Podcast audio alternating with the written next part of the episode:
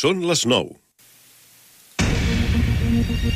Correia Notícies, butlletí informatiu. Molt bona nit, els parla Verónica Domico. Els patinets elèctrics estaran prohibits al transport públic a partir de l'1 de febrer. La mesura s'aplicarà com a mínim durant sis mesos al metro, als autobusos, als tramvies, a rodalies de Renfe i als ferrocarrils de la Generalitat. Per mirar de facilitar la mobilitat dels usuaris habituals de patinets, ara també es podran deixar els aparcaments gratuïts de Bicibox que n'hi als municipis dels voltants de Barcelona. L'augment de les donacions durant el gran recaptar dels aliments beneficiarà la botiga solidària de Cornellà. En la darrera edició s'han recollit 4,6 milions d'euros entre els productes i les aportacions econòmiques arreu de Catalunya, el que suposa un increment del 22% respecte del 2021. Aquest augment de donacions permetrà al supermercat social de Cornellà afrontar el 2023 amb més productes bàsics per abastir cada mes les més de 700 famílies beneficiàries. Els treballadors catalans perden 5 punts de poder adquisitiu. La pujada salarial dels treballadors en conveni tot just supera el 3%, mentre que el cost de la vida puja més de 8 punts. Són dades del Ministeri de Treball que evidencien que a Catalunya és on més convenis s'han registrat i també on n'hi ha més treballadors afectats i 1.350 persones han participat a la cursa de Reis de Corres Solidaris, una prova que assoleix un rècord de participació i que destinarà més de 8.500 euros a la Fundació Tots Som d'Acord, que treballa pel projecte Espai Respir de l'Escola d'Educació Especial Virulai. També s'han recollit 2.800 joguines per a la campanya de Creu Roja Cornellà. Fins aquí aquest butlletí informatiu. Poden seguir informats de l'actualitat de la nostra ciutat al Cornellà Notícies de la una del migdia, als butlletins horaris i a l'app i la web de Ràdio Cornellà. També trobaran les darreres actualitzacions i notícies al radiocornellà.cat i a les xarxes socials de la ràdio, Twitter, Facebook i Instagram. Ara el temps. Connectem amb l'Agència Estatal de Meteorologia. Bona nit. Demà dijous esperem una jornada a Catalunya amb temperatures sense grans canvis o que baixaran lleugerament, menys a zones del Pirineu on pujaran, amb unes mínimes d'un grau positiu a Lleida, de 3 a Girona, de 7 a Tarragona i la mínima serà de 9 graus a Barcelona, mentre que les temperatures màximes demà seran de 18 graus a Tarragona, de 17 a Girona, de 16 serà la màxima a Barcelona i de 10 a Lleida. Per la resta esperem un dia d'ambient assolellat, menys al Pirineu i al litoral nord, allà amb alguns intervals de nuvolats i també tindrem durant el matí alguns bancs de boira a zones de l'interior, sobretot més persistents a la depressió de Lleida.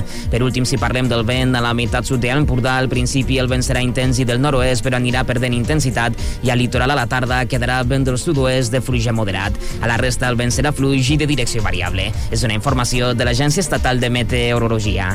L'informació de Cornellà. Més a prop, impossible. Ràdio Cornellà, 104.6 FM.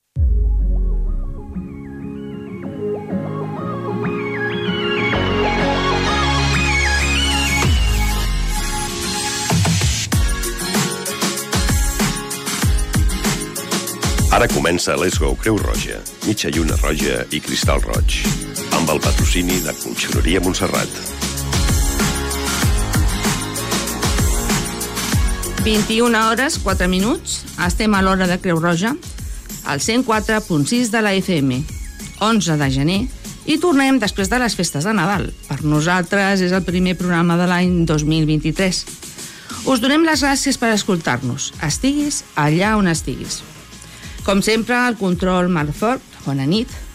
A la locució tenim l'Emilio, bona, Bona nit. nit, bona nit. company de Creu Roja i una servidora, Rosa Maria Pastor. Avui el nostre company Joan Garcia no pot estar amb nosaltres. Encara no hem començat el programa i ja el trobem a faltar. Des d'aquí li enviem una forta abraçada. Una abraçada molt forta, Joan, Confia. recuperat. Sí, aviat. Et vull aquí la setmana que ve, sisplau. Confiem que la setmana que ve sí que, que pugui, que sigui possible, no?, que estigui Sí, aquí amb sí. nosaltres. Bé, avancem als titulars de la nostra programació. A veces nos surge la pregunta, ¿cómo podemos ayudar a alguien que está pasando por un mal momento? Pues bien, recordaremos algunas respuestas que el doctor Mario Alonso Puig nos dio en otros programas. Hablaremos también de cómo los estudiantes afganos abandonan sus aulas en protesta al veto de las mujeres. Cruz Roja hizo una entrevista al doctor Ricardo Martino y nos comentó que hay que normalizar la muerte ya que forma parte de la vida. Conoceremos las respuestas que dio a nuestras preguntas. Otro tema será las emociones también necesitan primeros auxilios. Tendremos con nosotros a la doctora Marian Rojas Estapé, que nos hablará de cómo activar la motivación. Hora de adivinanzas con Olga Yorsi. Conoceremos la respuesta de la adivinanza de la semana anterior y escucharemos la adivinanza de esta semana. Nuestra compañera Mayalén nos hablará sobre la revalorización del plan de pensiones para este año 2023. Hablaremos también del machismo y del feminismo, intentaremos aclarar esos conceptos. Y finalizaremos con una reflexión. Comenzamos el programa escuchando unos mensajes sobre los cursos de primeros auxilios. No t'imagines com de valuós pot ser un gest a la teva empresa. Un somriure que motiva, un senyal d'aprovació que orienta, una compressió al pit que ajuda a recuperar una parada cardiorrespiratòria. Ensenya al teu equip els gestos més valuosos. Informa't i contracta els cursos de primers auxilis per a empreses a cruzroja.es o al 902 22 22 92. Aprèn a salvar vides. El doctor Mario Alonso Puig tuvo la ocasión de comentarnos en programas anteriores que cuando apoyamos a una persona que atraviesa por un momento de desafío, tu apoyo no solo va a aumentar su eficiencia, sino que además va a reducir su dolor. Es importante comprender lo que pasa dentro de nuestra mente cuando nos enfrentamos a situaciones difíciles y complejas. El cerebro, cuando se encuentra frente a algo que percibe como un peligro, pone en marcha el mecanismo de supervivencia. La puesta en marcha de este mecanismo da lugar a tres posibles reacciones. El ataque, el bloqueo o la huida. En ninguna de estas tres reacciones, salvo que sea para hacer frente al peligro físico real, genera algo positivo a nivel de salud, ni a nivel de relaciones, ni a nivel de eficiencia o de bienestar. Cuando una persona lo está pasando mal, puede aislarse y quedar atrapada en sus propios pensamientos limitantes y distorsionarlos. Por eso es tan importante que conozca lo que le está pasando y lo que puede hacer para salir de ahí. Si uno descubre la importancia de empatizar con los demás, sobre todo en momentos de prueba, descubrirá que el auténtico encuentro entre seres humanos es capaz de despertar muchos talentos dormidos. No se puede desplegar la inteligencia colectiva si previamente no se crea un entorno de verdadera apertura, escucha y confianza. ¿Por qué es tan importante que frente al otro realicemos la pregunta adecuada? La pregunta es importante porque hace que nuestra conciencia se enfoque en un determinado lugar y eso permite que veamos cosas en las que antes no habíamos reparado. Albert Einstein decía, lo más importante no es contestar a las viejas preguntas, sino hacernos preguntas que nunca antes nos habíamos hecho. El lenguaje transformacional nos permite ampliar nuestra percepción. Por eso un filósofo, un filósofo austriaco decía, los límites de mi lenguaje son los límites de mi mundo. El lenguaje, a través de la utilización de una serie de distinciones, puede permitirnos ver cosas que previamente estaban ocultas. La emoción tiene que fluir de una manera adecuada, pudiendo ser expresada de una manera que no nos dañe a nosotros mismos ni a los demás. El no saber cómo gestionar correctamente las emociones es uno de los factores más importantes en el origen de la enfermedad.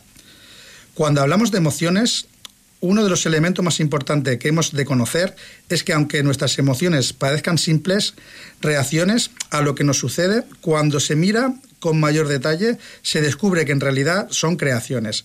Esto es importante conocerlo y comprenderlo para poder gestionar de una forma saludable. Ansiedad, insomnio, depresión. Llamar a las cosas por su nombre es de valientes. Pedir ayuda, si lo necesitas, también. Cruz Roja te escucha. Llámanos 900-107-917. La Universidad de Al-Qarawiyyin es la más antigua del mundo y se encuentra en la ciudad de Fez, Marruecos. Fue fundada por una mujer llamada eh, Fetim Alfari en el año 859. No obstante, recientemente, 12 siglos más tarde, hemos podido comprobar cómo son las mujeres que tienen prohibido el acceso a la, educación universitaria. El 15 de agosto de 2021, los talibanes entraron en Kabul. la capital de Afganistán, tomando el control del país y llevando a cabo severas restricciones de los derechos, en especial de las mujeres y de las niñas. El Ministerio de Educación Superior, dirigido por el mula Nedal Mohamed Nadin, emitió el martes 20 de diciembre un breve comunicado en el que se instaba a suspender la admisión de mujeres en las instituciones educativas superiores sin dar explicaciones al respecto. El pasado 21 de diciembre del 2022, decenas de hombres universitarios y profesores de la Facultad de Medicina en Nangar abandonaron sus aulas en señal de solidaridad y protesta después del comunicado que emitió el Ministerio de Educación Superior afgano instando la suspensión de la admisión de mujeres en las instituciones educativas superiores. La notificación no iba acompañada de ninguna explicación y no era la primera vez que sucedía, puesto que el veto ya se promovió anteriormente en la educación secundaria del país. Las fuerzas talibanas, talibanes privaron del ingreso de la mayoría de las mujeres, excepto las que tenían que realizar alguna actividad administrativa. Además, también se intentó imposibilitar la relación de las fotografías o filmaciones. Aún así, muchas de las imágenes y vídeos difundidos a través de las redes sociales Twitter que se muestran en estación de solidaridad y en apoyo a que se materializó en que muchos estudiantes afganos abandonasen las aulas en señal de protesta. Ahora escuchamos a Miguel Ríos con el himno de la alegría.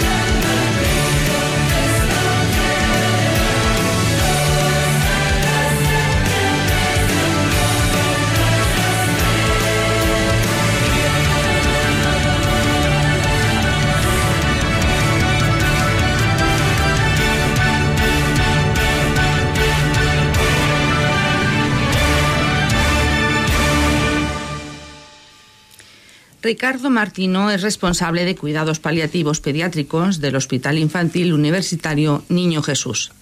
Es impulsor de la Fundación ¿Por qué viven? También ha recibido la medalla de oro de Cruz Roja por su labor pionera en España. Él sabe lo que es enfrentarse a la muerte cada día. Nos recuerda que hay que exprimir cada día al máximo, que es imprescindible. A pregunta de Cruz Roja nos respondían. No hay que olvidar que la mayor parte de los días estamos vivos y que solo uno de ellos nos moriremos. Tenía claro que quería una medicina que se dedicara a la persona en global, no a fragmentos de la persona. Y me parecía que las especialidades muy parciales no cumplían eso. Me movía la relación con la persona. Por eso me planteaba si hacer medicina interna o pediátrica, que eran especialidades globales de atención. Fui optando por la pediatría y me metí en el Hospital Niño Jesús. A priori lo hice para dedicarme a la medicina de adolescentes, que era, el único, eh, que era el único sitio donde se podía hacer. Pero luego, dentro de la pediatría, me dediqué a los ciudadanos y los cuidados intensivos. Y de ahí es de donde nace la inquietud que me ha llevado el lugar, al lugar donde estoy ahora, en la unidad de atención integral paliativa pediátrica. En Cruz Roja quisimos saber qué hay detrás de esa unidad. Sabemos que hay un equipo interdisciplinar con perfiles médicos, de enfermería, de trabajo social, de psicología. Incluso se ofrece acompañamiento espiritual. Por ello quisimos saber qué aporta esta variedad de perfiles. Entonces Ricardo Martino nos comentó y nos dijo así. Nos dedicamos a la persona que sufre y las personas sufren por distintas cosas, más allá de la propia enfermedad. La gente sufre por estar solo, no por por no poder hablar, por no poder estar con las personas que quiere, porque se derrumban sus convicciones o su mundo. Y para dar respuesta a las necesidades de la persona tienes que ofrecer un equipo. En situaciones como los procesos de final de vida, en enfermedades incurables o en enfermedades en general, contar con este equipo ayuda. También hay otros miembros del equipo que ayudan parcialmente, como farmacéuticos, secretarias, conductores. Todo el mundo aporta su granito de arena, aunque los más imprescindibles son los que has nombrado en tu pregunta. Sabíamos que uno de los pilares del modelo que defiende a los, a los cuidados paliativos pediátricos es que el niño es una persona. Algo que parece evidente, pero es un criterio general ante un niño que padece una enfermedad incurable. O no, lo es porque tendremos eh, a sobreproteger a la infancia. Ricardo Martino estaba convencido de que hay gente que presuntamente considera al niño incapaz e incompetente y a los adultos presuntamente capaces y competentes. Eso a veces hay que demostrarlo. En los dos casos, porque no, no siempre es así. Nosotros afirmamos que el niño es una persona que sufre por distintas cosas y hay que tener en cuenta que siente en primer lugar. También, por supuesto, a la familia, pero no podemos olvidar de que el que tiene la enfermedad y el que sufre es el niño. Por lo tanto, él tiene su manera de opinar, mm, lo queramos ver o no lo veamos así. Ante ello nos surgió la pregunta, ¿puede haber margen de recuperación en los niños y niñas que atendéis? A ello respondió que uno de los criterios con los que aceptamos a los niños es que tengan una enfermedad incurable. Todos los niños que atendemos van a morir antes de llegar a mayores. A veces, si llega algún paciente que tiene posibilidades de recuperación, lo comunicamos, porque no se puede quedar en nuestra unidad. Es así de duro. Todos los pacientes que atendemos van a morir en meses o en pocos años. La vulnerabilidad y la fragilidad forman parte del ser humano y parece que la pandemia lo ha hecho más notario. Ello nos obligó a plantearle, ¿somos más vulnerables y frágiles? Su supuesta nos hizo esperar. Creo que hay que sacar provecho de las cosas malas que suceden. Y si hay algo que todos hemos aprendido, incluso en la pandemia, incluso los profesionales sanitarios, en la propia vulnerabilidad. Y la vulnerabilidad de los que tenemos cerca. Eso nos ayuda a conectar con nuestra propia realidad a ser no solo un poco más prudentes, sino también más humildes. Y eso a los sanitarios no hace bien. Su reconocida experiencia nos llevó a preguntarle por qué le tenemos tanto miedo a la muerte. A lo que nos respondió, está bien tenerle respeto a la muerte, pero no hay que olvidar que la mayor parte de los días estamos vivos y que solo uno de ellos nos moriremos. No hay que obsesionarse con la muerte. De hecho, nuestro trabajo es ayudar a vivir mejor a que los niños vivan bien y ya llegar a la muerte en el momento que sea. Pero es verdad que la sociedad tiene a veces una relación esquizofrénica con la muerte. Los chicos tienen que pasar pantalla de videojuegos a base de matar gente en las redes. Y con los medios de comunicación podemos asistir a una guerra y ver cadáveres en directo. Sin embargo, hablar de nuestra propia muerte o de la de un familiar se oculta o da como repelús. Es una relación un poco extraña la que tenemos con la muerte. Al final tenemos que normalizar el hecho de que la muerte forma parte de la vida. Es un acontecimiento natural y por lo tanto hay que desmedicalizarla, incluso sacarla de los hospitales si es posible. Ahí es donde muere la mayor parte de la gente. Hay que devolver a la muerte esa condición de proceso natural que sucede en todas las vidas.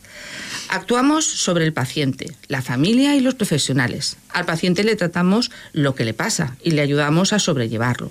También ayudamos a la familia a afrontar ese tipo ese tipo de vida, perdón, que puedan seguir adelante lo más plenamente posible que permita la, la enfermedad. Hay gente que tiene muchas preguntas al final de la vida. Otra, pues no. Cada uno se enfrenta a ello a su modo. Los niños preguntan a su o se despiden en función de su edad, de su capacidad congenitiva. Al final de su vida o a muchos niños lo único que les preocupa es quién sacará a pasear a su perro, quién jugará con sus juguetes o simplemente quién dormirá en su cama. También hemos atendido a adolescentes que incluso se despiden de sus seguidores en redes sociales o de sus amistades con mensajes que dejan de forma de un legado.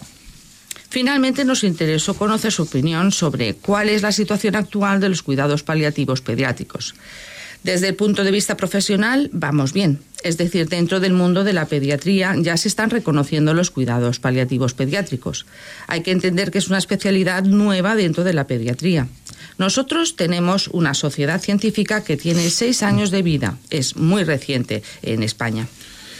Dentro de las administraciones públicas todavía hay mucho que no se entiende. Incluso no hay una presentación equitativa de todos en todos los lugares de España. Hay zonas que tienen más recursos, como Madrid, por ejemplo, Barcelona, donde somos realmente unos privilegiados, por lo que podemos hacer y llevar a cabo. Y otras donde a los gestores les cuesta entender que en realidad y dotar de sus recursos. Por tanto, no hay una prestación igualitaria. Luego está la sociedad. Ya hemos hablado de ello. Nadie quiere oír hablar de la muerte de un niño. Solamente cuando es noticia se habla de ello. Salió hace un tiempo una noticia en un periódico sobre un paciente en Reino Unido al que un juez había autorizado a desconectar, aunque los padres no querían. Según dijeron los medios de comunicación, estaba en muerte cerebral es decir, estaba muerto. Cuando eso se magnifica y se comunica con poco criterio, no hace ningún bien a la normalización de la enfermedad o los procesos de fallecimiento en nuestra sociedad. Socialmente, el tema de la muerte de los niños no está aceptado y genera rechazo, morbo, discusión. Ahí hay mucho por hacer. Los medios de comunicación tienen un papel muy relevante a la hora de comunicar bien sobre estos asuntos y que la noticia no sea que este niño se muere mal, sino que el 99% de los niños mueren bien. Eso debería ser la noticia. Y ahora escuchamos a Sergio Dalma con La vida.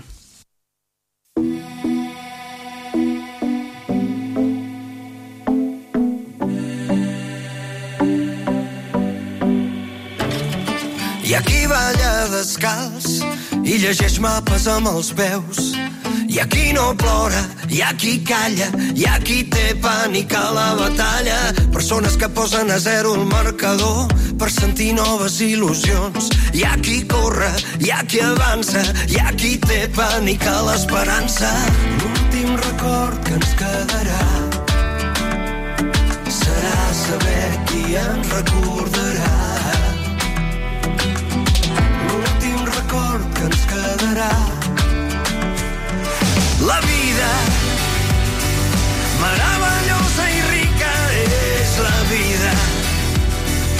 Muntanyes de colors pintant el cel i tu i jo, i tu i jo volem pels aires. Hi ha qui somia despert i atrapa els somnis amb les mans hi ha qui corre, hi ha qui avança, hi ha qui té pànic a l'esperança. Humanitat que gira al revés i així no veure's al mirall. Hi ha qui plora, hi ha qui calla, hi ha qui té pànic a la batalla. L'últim record que ens quedarà serà saber qui ens recordarà. L'últim record que ens quedarà. La vida meravellosa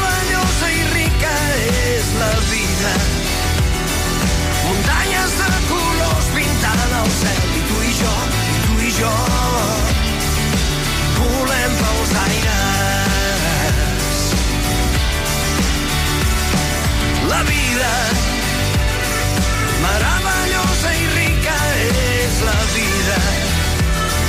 Muntanyes de colors pintant el cel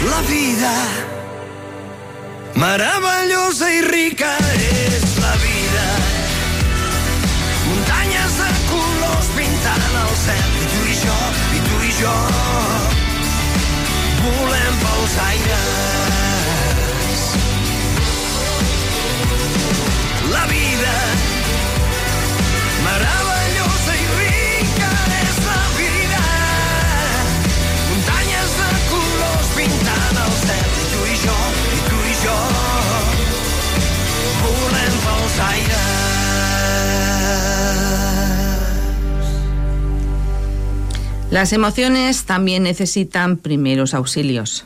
No son tan conocidos como los primeros auxilios que se aplican ante una hemorragia o una quemadura, pero existen. Los primeros auxilios emocionales no tienen por qué ser aplicados por profesionales de la psicología. Pueden ser personas que trabajen en contextos de emergencias o desastres, como las personas voluntarias, quienes los suministren, pero siempre con una formación previa. Yurena Rodríguez es psicóloga y la encargada de impartir el taller de primeros auxilios emocionales en el Encuentro Provincial de Voluntariado de Cruz Roja que se celebró en Las Palmas hace una semana con la participación de los voluntarios y voluntarias de las islas de Fuerteventura, Lanzarote y Gran Canarias. El objetivo de los primeros auxilios emocionales es brindar apoyo emocional y en algunos casos incluso evitar el riesgo de muerte porque se pueden dar situaciones de crisis en la que la persona reaccione atentando contra su propia vida o contra la de otra persona. Este tipo de ayuda también persigue ayudarles a conectar con los recursos disponibles que necesitan y que puede ser desde refugio para pasar la noche a atención sanitaria, explica la psicóloga. Este tipo de ayuda emocional se puede dar en cualquier situación que sea angustiosa para la persona. Una catástrofe, un desastre, un incendio o un accidente. El volcán de La Palma y el estrés y la angustia que les provocó a las familias tener que dejar sus hogares es un buen ejemplo y son igual de necesarios. Los primeros auxilios emocionales son una herramienta de apoyo dirigida a acompañar a aquellas personas que se encuentran en escenarios de crisis y tiene como objetivo recuperar el equilibrio emocional, además de prevenir la aplicación de secuelas psicológicas donde son necesarios estos primeros auxilios psicológicos. ¿Cuáles son las claves para poder ayudar o gestionar las emociones en estos contextos? En primer lugar, la angustia no siempre se identifica de manera obvia. Muchas veces hay que sentarse con la persona, preguntarle su nombre y preguntar sus necesidades, escuchar y no suponer. A continuación, hay que intentar ayudar a cubrir esas necesidades. En ocasiones solo se necesita información. ¿Cómo saber si se puede volver a, a, esa noche a dormir a su casa o reunirse con los familiares? Simplemente estar ahí, darle un apoyo, darle una mano, estar presente. Exactamente. En otras es necesario derivarles a otros servicios que puedan ayudarles y nosotros serviremos de nexo. Es importante la necesidad de escucha, no juzgar, no aconsejar, no hacer recomendaciones. Estos cuidados emocionales no son terapia, es una labor de apoyo, de contención y es importante no dar falsas esperanzas. En muchos casos, solo acompañando a las personas a un lugar seguro se aplican esos primeros auxilios emocionales. Es tan importante saber tapar una herida como saber tapar una angustia, para que pueda ser canalizada. Lo emocional y lo físico están conectados. Si la persona está angustiada, también corre riesgo físico, concluye Yurena Rodríguez. I ara escoltem a Samantha amb la cançó Arribar.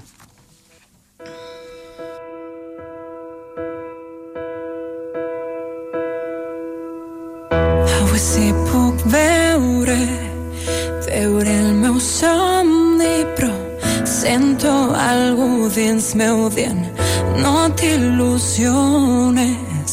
Anar descalç amb crema és fer un salt enrere sense saber cap on vas. Em desespera, però mai hauré de parar. Mantindré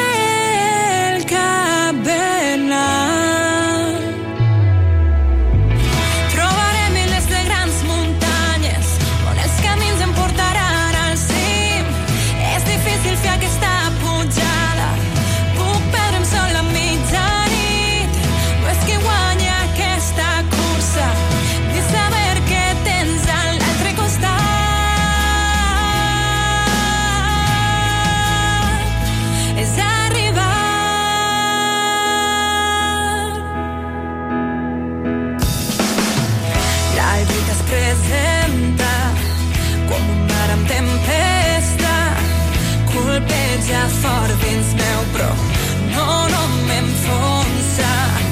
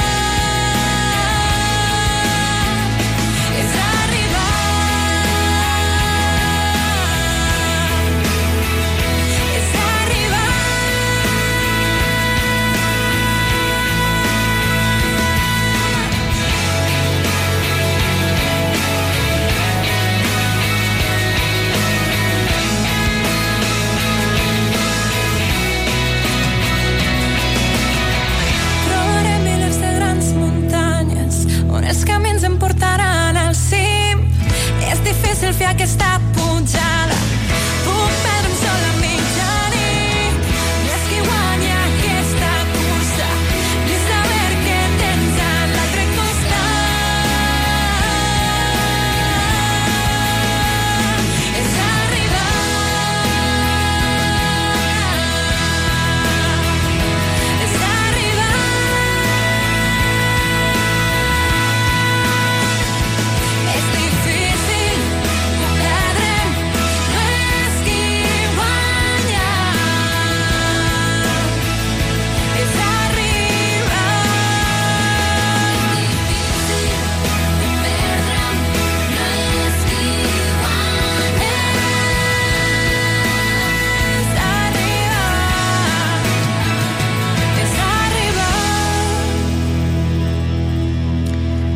Doctora María Rojas Estapé nos habla de cómo activar la motivación.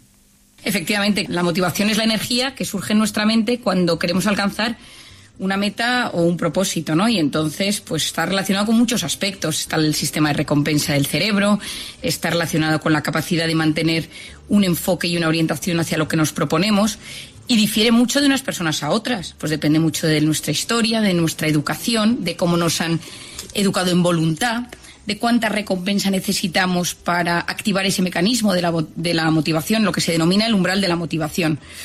Y de cada, de- de- detrás de cada cosa que nosotros hacemos hay una motivación de fondo que nos impulsa a realizarla.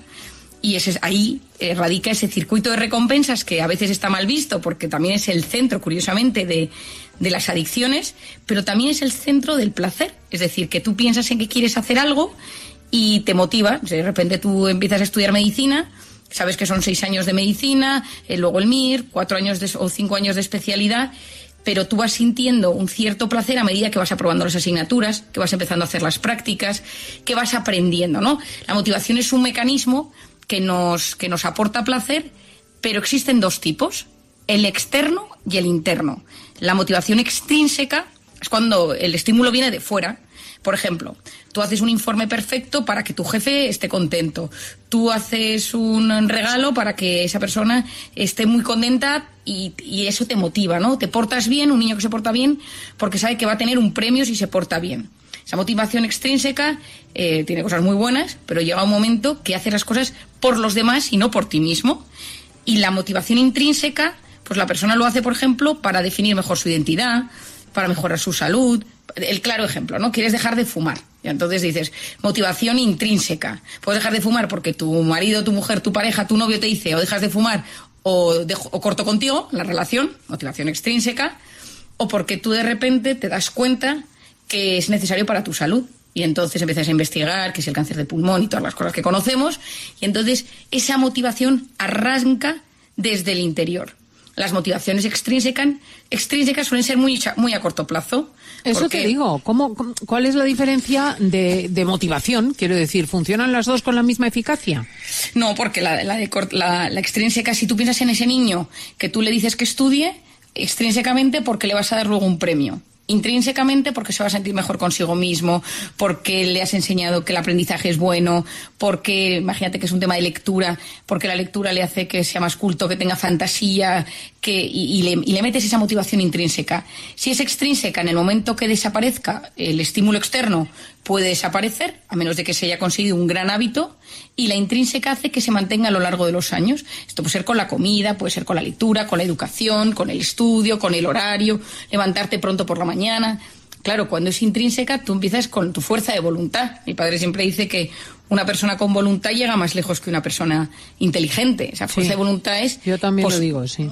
Sí, sí, es que, es, es que cuando eres capaz de posponer la recompensa creyendo en tu propio bien a corto y a largo plazo, los resultados son mucho mayores. Entonces, claro, ¿qué fuentes de motivación podemos tener? Intrínsecas, pues por ejemplo la curiosidad. Es decir, yo quiero aprender más, yo quiero investigar más o profundizar sobre un tema. O puede ser la autonomía, porque yo quiero ser más libre, porque yo me quiero convertir en una persona eh, con más capacidad de tomar decisiones. Puede ser las creencias, ¿no? Cada uno tiene sus propias creencias y entonces a veces la motivación de tus creencias, de tus valores, te ayuda a ir formándote más. Y mm, es importante para la motivación tener en cuenta que existe como una fórmula, ¿no? Tú estás lo suficientemente motivado cuando percibes que tus beneficios, es decir, las consecuencias, son más altos que el coste de la conducta. Por ejemplo, pereza, dinero, pues todas esas cosas que conocemos. El gimnasio, ¿no? O sea, es decir, ese, ese momento em, a principio de año, donde todo el mundo se levanta el uno y dice, este año dejo de fumar, empiezo a ir al gimnasio, como bien, mm, recupero estas amistades y al día 3 de enero ha desaparecido todo, ¿no? Es decir, esas motivaciones un poco, un poco surrealistas. Por eso es importante tener una meta a largo plazo y pequeños objetivos a corto plazo. Si tú necesitas perder 30 kilos o 20 kilos, si tú pones en tu cabeza la cifra de 20 kilos, es imposible. Si tú dices un kilo a la semana, tu cerebro va sintiendo que eso es mucho más alcanzable y cada semana que va pasando, ese sistema de recompensa se siente gratificado y te da la energía para la, pa- para la siguiente semana. Cuando yo pienso mucho en las oposiciones, ¿no? Eh, Yo tengo una, yo tengo una familia, mi madre que es notario y mi marido también, pues son personas que han estudiado muchísimos años para un para una recompensa que puede o no puede llegar, porque claro, nadie te lo asegura. Pero tú si te levantas cada mañana pensando en que te quedan tres años para el examen, pero si tú te levantas cada mañana sabiendo que ese estudio de ese día te ayuda a acercarte a tu meta, tú eres capaz de potenciar esa motivación intrínseca. ¿Qué pasa? Que cuando uno no tiene motivación procrastina. ¿Qué es procrastinar? Y seguro que esto nos algún oyente, a mí misma me ha pasado, eh, ha sucedido. Es decir, dejas las cosas para otro momento. Sabes lo que tienes que hacer, pero de repente haces lo contrario. Yo tengo que ponerme a ordenar mi habitación, pero de repente te ves eh, cocinando algo. Tengo que hacer, ir a pagar este tema. ¿Sabes? Ese- ese- esa ¿Cómo cosa me del cerebro. Sí, sí, es lo de la procrastinación. Alguna vez que he hablado de ello, la gente me escribe como diciendo, uy, esto soy yo, ¿no? El cerebro, cuando no tiene las motivaciones suficientes o está acostumbrado a ser un poco perezoso, procrastina.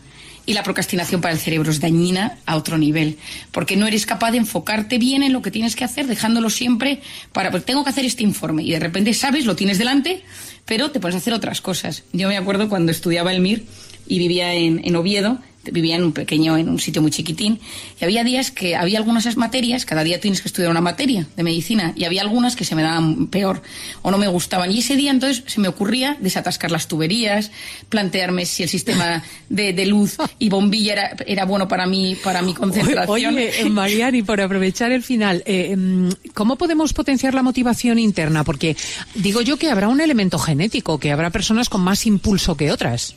Hay una parte genética, o sea, los, eh, sobre todo educativa. Si de pequeño te han enseñado a posponer la recompensa, eh, hay un estudio que recomiendo a los oyentes que si al terminar o esta tarde lo pueden ver, que es el, estudio de la golosina, donde un tipo le dio, un psiquiatra le dio a los niños de 3, 4, 5 años una go- golosina y les dijo, si no os la coméis de aquí a 10 minutos, os doy dos. Y entonces hay un vídeo en YouTube que se puede ver perfectamente que se llama The Marshmallow Test, que los niños, los que no se tomaron la golosina, los siguió durante 30 años y a los que también se lo tomaron. Y vio que los que tenían fuerza de voluntad, es decir, los que eran capaces de decir esto vale por algo, esto lo consigo, tenían menos problemas de drogas, mejor sueldo, mejor salud a largo plazo. Por lo tanto, tips para mantener esta motivación. Que los objetivos se conviertan en maneras de aprender. No solo para conseguir el éxito. Es decir, si quiero dejar de fumar, en vez de decirte, o mañana dejo de fumar de golpe, pues decir, oye, me voy a informar, por qué es malo dejar de fumar, por qué es malo fumar, cómo afecta a mi salud. Luego, no ver la meta como una amenaza. Por ejemplo, el que se pone a dieta y que de repente el chocolate, ¿no? Y entonces, si ves el chocolate como una amenaza, vives en alerta y entonces tienes que decir, a ver, el chocolate no me conviene porque, y todos lo sabemos, ¿no? Yo que soy una loca del chocolate, pues estudiar por qué no es bueno el chocolate en una dieta, o las patatas fritas, o la cerveza, ¿no? Es decir, investigarlo. El tercero, enfocarme en cómo lo hago y no en por qué lo hago. Y no en por qué lo hago. A veces hay que decir, vale, yo esto lo estoy haciendo, ya no, porque a veces el largo plazo la meta es tan, tan lejos que tenemos que ir diciendo, esto pequeñito me está consiguiendo tener un hábito de vida, tener una vida más ordenada, que mm, la motivación intrínseca potencia zonas de mi cerebro como la corteza prefrontal, que es la que nos ayuda a pensar, que es la que nos ayuda a ser más inteligentes, la que nos ayuda a filtrar la información. Abuela.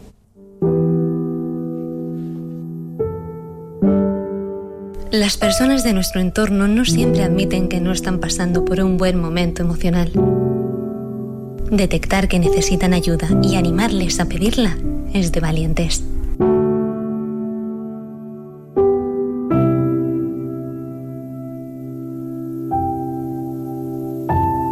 Llámanos 900 107 917.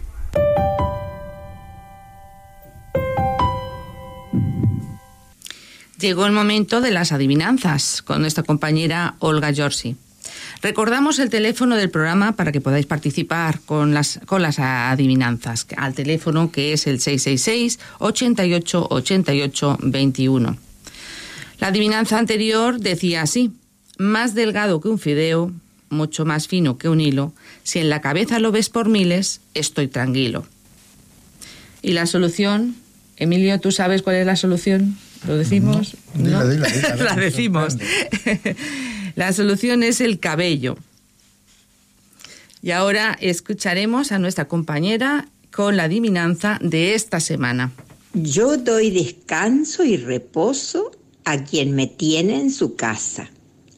Y aunque di fruto sabroso, al fin me convierto en brasa y alguna vez me descoso. Repetimos, yo doy descanso y reposo a quien me tiene en su casa, y aunque disfruto sabroso, al fin me convierto en brasa, y alguna vez me descoso.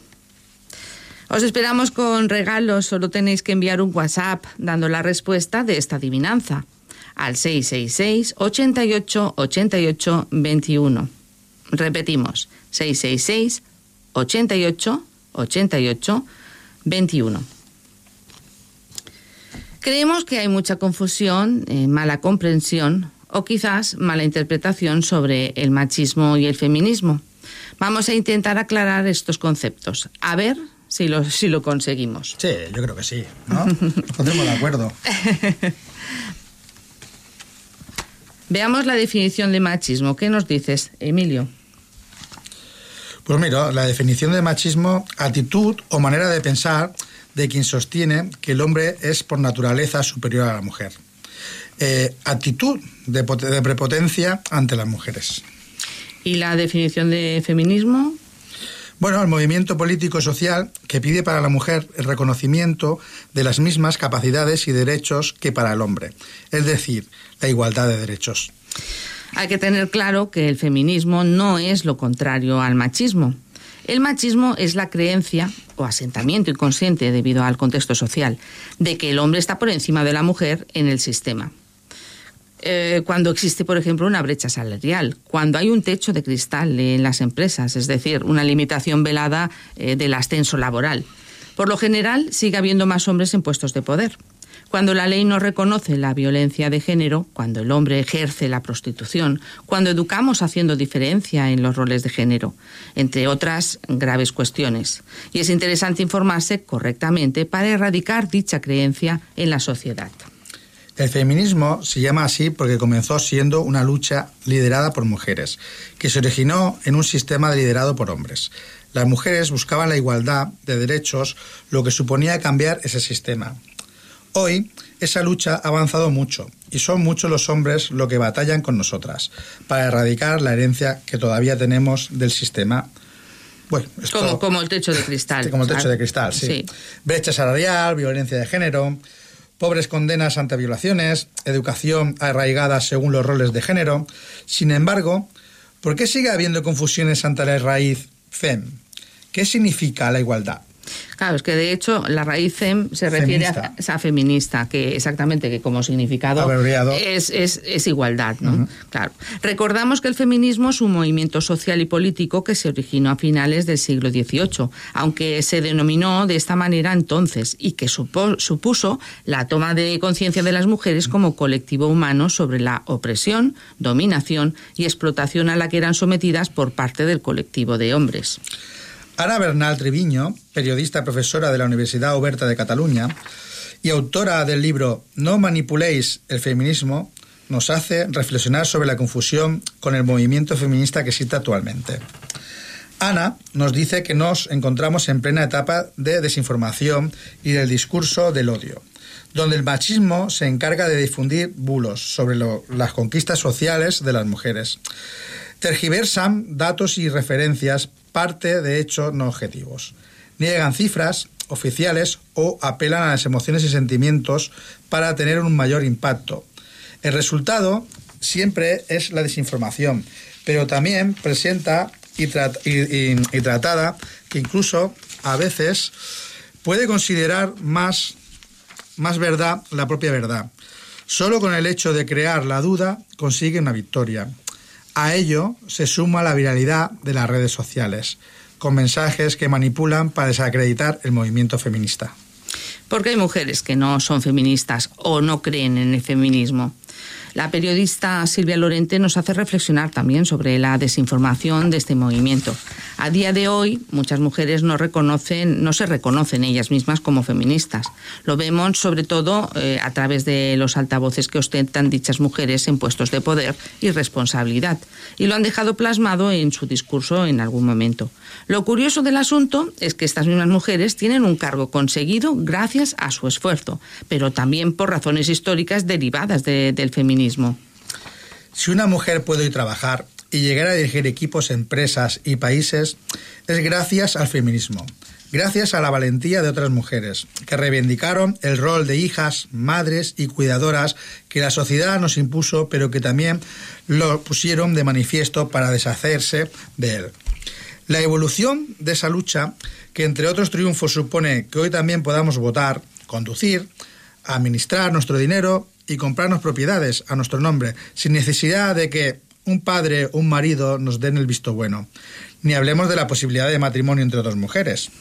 Ha conseguido llevarnos hoy a un punto más avanzado, tristemente, aún en batalla para conseguir una equidad que no existe debido a la brecha salarial, el techo de cristal, la violencia de género y otras tantas lacras sociales.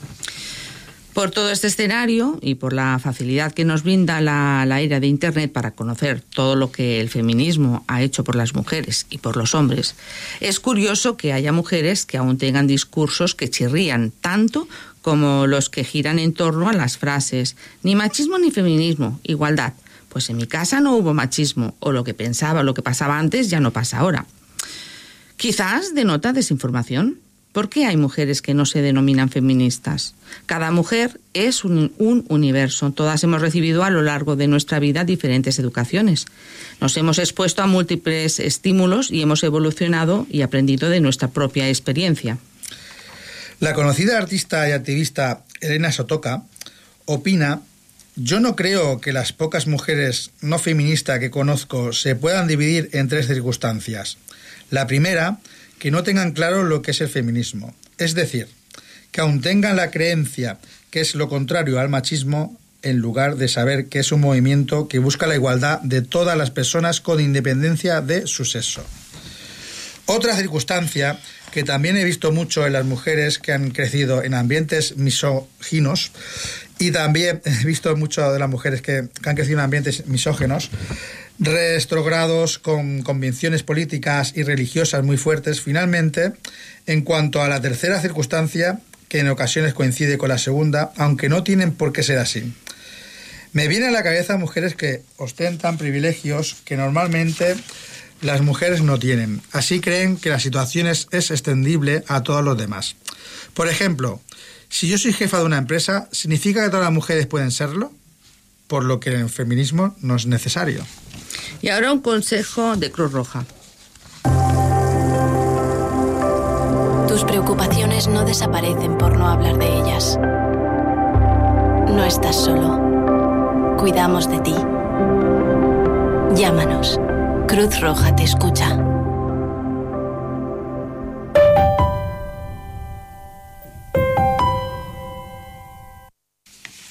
Y ahora damos paso a nuestra compañera Mayalén, la cual nos hablará del tema de pensiones.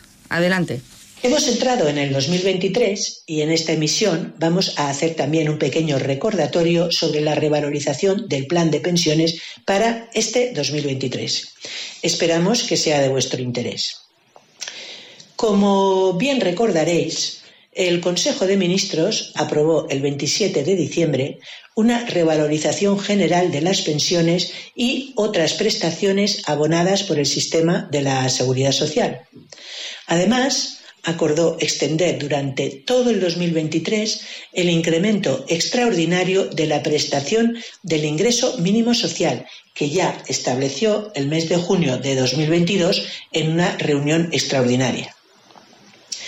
El Ejecutivo considera imprescindible la adopción de estas medidas para favorecer a las personas más vulnerables y a las que tienen menor capacidad de ajustar sus ingresos para afrontar la evolución al alza de los precios, derivada, en principio, de la guerra de Ucrania.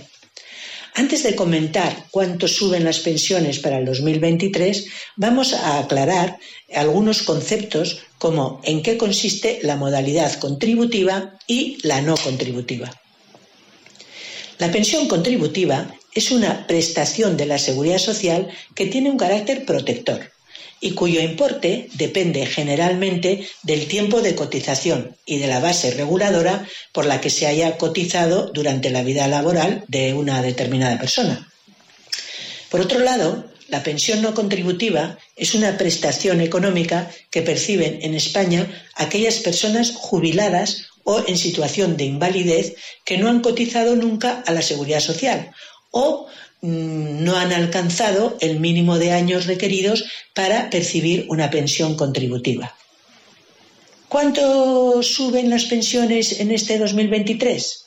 En principio, las pensiones de la Seguridad Social en su modalidad contributiva y las pensiones de clases pasivas, incluido el importe de la pensión mínima, se revalorizarán un 8,5%, que en realidad es la inflación media del año anterior.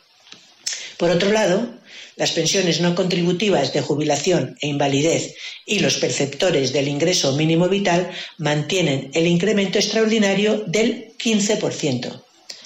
Con estas subidas, la pensión media de jubilación aumentará en 1.500 euros al año y la de viudedad en unos 930 euros al año. La pensión mínima para los pensionistas de 65 años o mayores sin cónyuge, es decir, una unidad económica unipersonal, se fija en 10.963,40 euros anuales, que será de unos 783 euros en 14 pagas. Y en 13.526,80 euros, eh, que será de unos 966,19 euros mensuales en 14 pagas, en el caso de jubilados con cónyuge a cargo. Los menores de esa edad recibirán como mínimo 10.256,40 euros anuales y 12.682 si tienen cónyuge a cargo. Hay que tener en cuenta que no todas las pensiones se revalorizan. Aquellos que tengan pensiones que excedan de 3.058,81 euros mensuales no se revalorizarán, salvo algunas excepciones. En ningún caso la cuantía anual podrá superar los 42.823,34 euros. En realidad, 11,8 millones de pensionistas y perceptores de prestaciones conservan o aumentan su poder adquisitivo. Los beneficiarios de pensiones contributivas y no contributivas, los de clases pasivas, los hogares que reciben el ingreso mínimo vital y los perceptores de prestaciones por hijo a cargo con discapacidad son los que se beneficiarán de esta revalorización. Esta subida, que se aplicará a todos los pensionistas de la Seguridad Social, se verá ya reflejada en la primera nómina que se cobrará en 2023, es decir, la paga correspondiente al mes de enero. Esperemos que estas revalorizaciones puedan ayudar a ajustar un poco las economías familiares. Y en el momento de las reflexiones vamos a tener hoy un cuento sufi que dice así. Le preguntaron a un sabio, ¿quién te guió en el camino? El sabio contestó, un perro. Un día lo encontré casi muerto de sed en la orilla del río. Cada vez que veía su imagen en el agua, se asustaba y se alejaba, creyendo que era otro perro. Finalmente fue tal su necesidad que venciendo su miedo se arrojó al agua, y entonces el otro perro se esfumó. El perro descubrió que el obstáculo era el mismo y la barrera que lo separaba de lo que buscaba había desaparecido. De esta misma manera, mi propio obstáculo desapareció cuando comprendí que mi yo era ese obstáculo. Fue la conducta de un perro la que me señaló por primera vez el camino. Y como este es muy cortito, pues vamos a, a dar la oportunidad de leer una reflexión mexicana. Y decía así, mi abuela decía, en la vida ni se gana ni se pierde, ni se fracasa ni se triunfa. En la vida se aprende, se crece, se descubre, se escribe, se borra y se reescribe otra vez. Se hila, se deshila y se vuelve a hilar. El día que comprendí que lo único que me voy a llevar es lo que vivo, empecé a vivir lo que me quiero llevar. Muy bonita. ¿Te ha gustado? Muy bonita. Genial. Està, estem arribant ja, són les 21.58 i estem arribant al final del programa. Ens despedim amb música, evidentment, i agraint la col·laboració de tot l'equip. A Olga Jorsi, Mayalén, Víctor Garcia, la Yailén, Nora, Vinícius, Pereira, Joan Garcia, al control Marc Forc, a la locució Emilio i una servidora Rosa Maria Pastor. Bona nit i fins la setmana que ve. Bona nit. Cercat i cercat en aquest món que s'unirà qui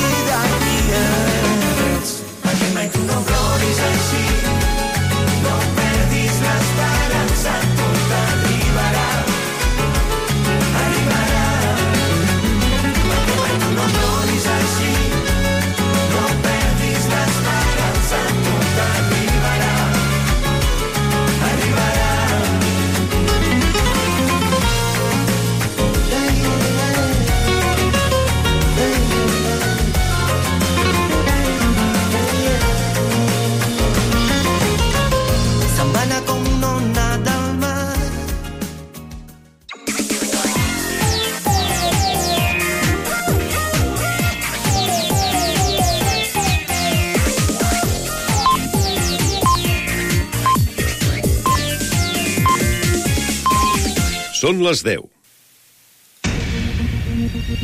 Cornellà Notícies, butlletí